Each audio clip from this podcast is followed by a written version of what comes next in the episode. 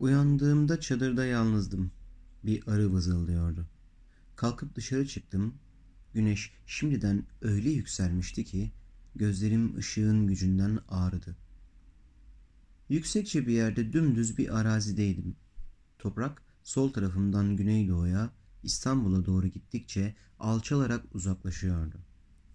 Daha aşağılarda uzaktan açık yeşil ve sarımsı gözüken bir iki mısır tarlası, buğday tarlaları, boş araziler ve kayalık, çorak topraklar vardı. Düzlükte küçük bir kasabanın evleri ve camii gözüküyordu. Ama aradaki bir tepe bakış açımı daralttığı için burası ne kadar büyük bir yerdir anlaşılmıyordu. Mahmut Usta neredeydi?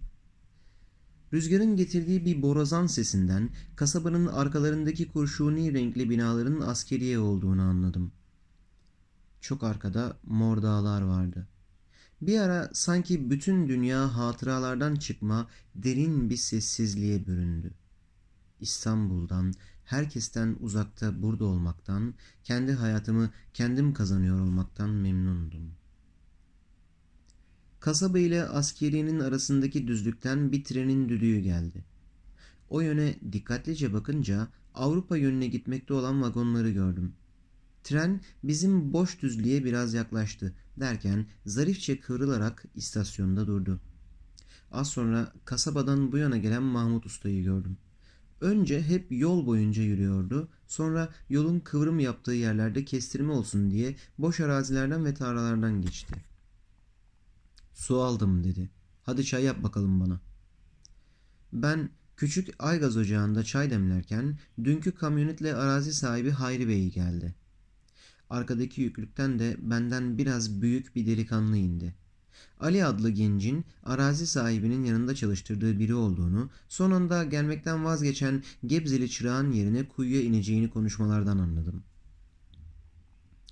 Mahmut Usta'yla patron Hayri Bey bir aşağı bir yukarı uzun uzun yürüdüler.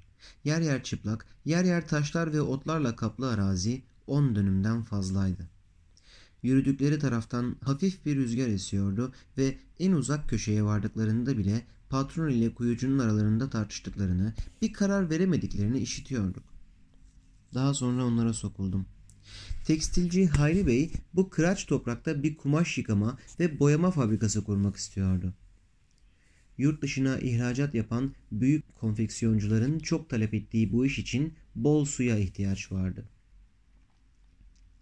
Hayri Bey elektriği suyu olmayan bu araziyi çok ucuza almıştı. Burada su bulursak bize çok para verecekti. Su çıkınca siyasetçi tanıdıkları buraya elektrik hattı çektireceklerdi. Sonra da Hayri Bey'in bir seferinde planlarını getirip bize gösterdiği kumaş boyama atölyeleri, yıkama odaları, depoları, şık idare binası ve hatta yemekhanesi de olan tam bir fabrika kurulacaktı buraya. Mahmut Usta'nın bakışlarında Hayri Bey'e karşı bir anlayış ve ilgi görüyordum.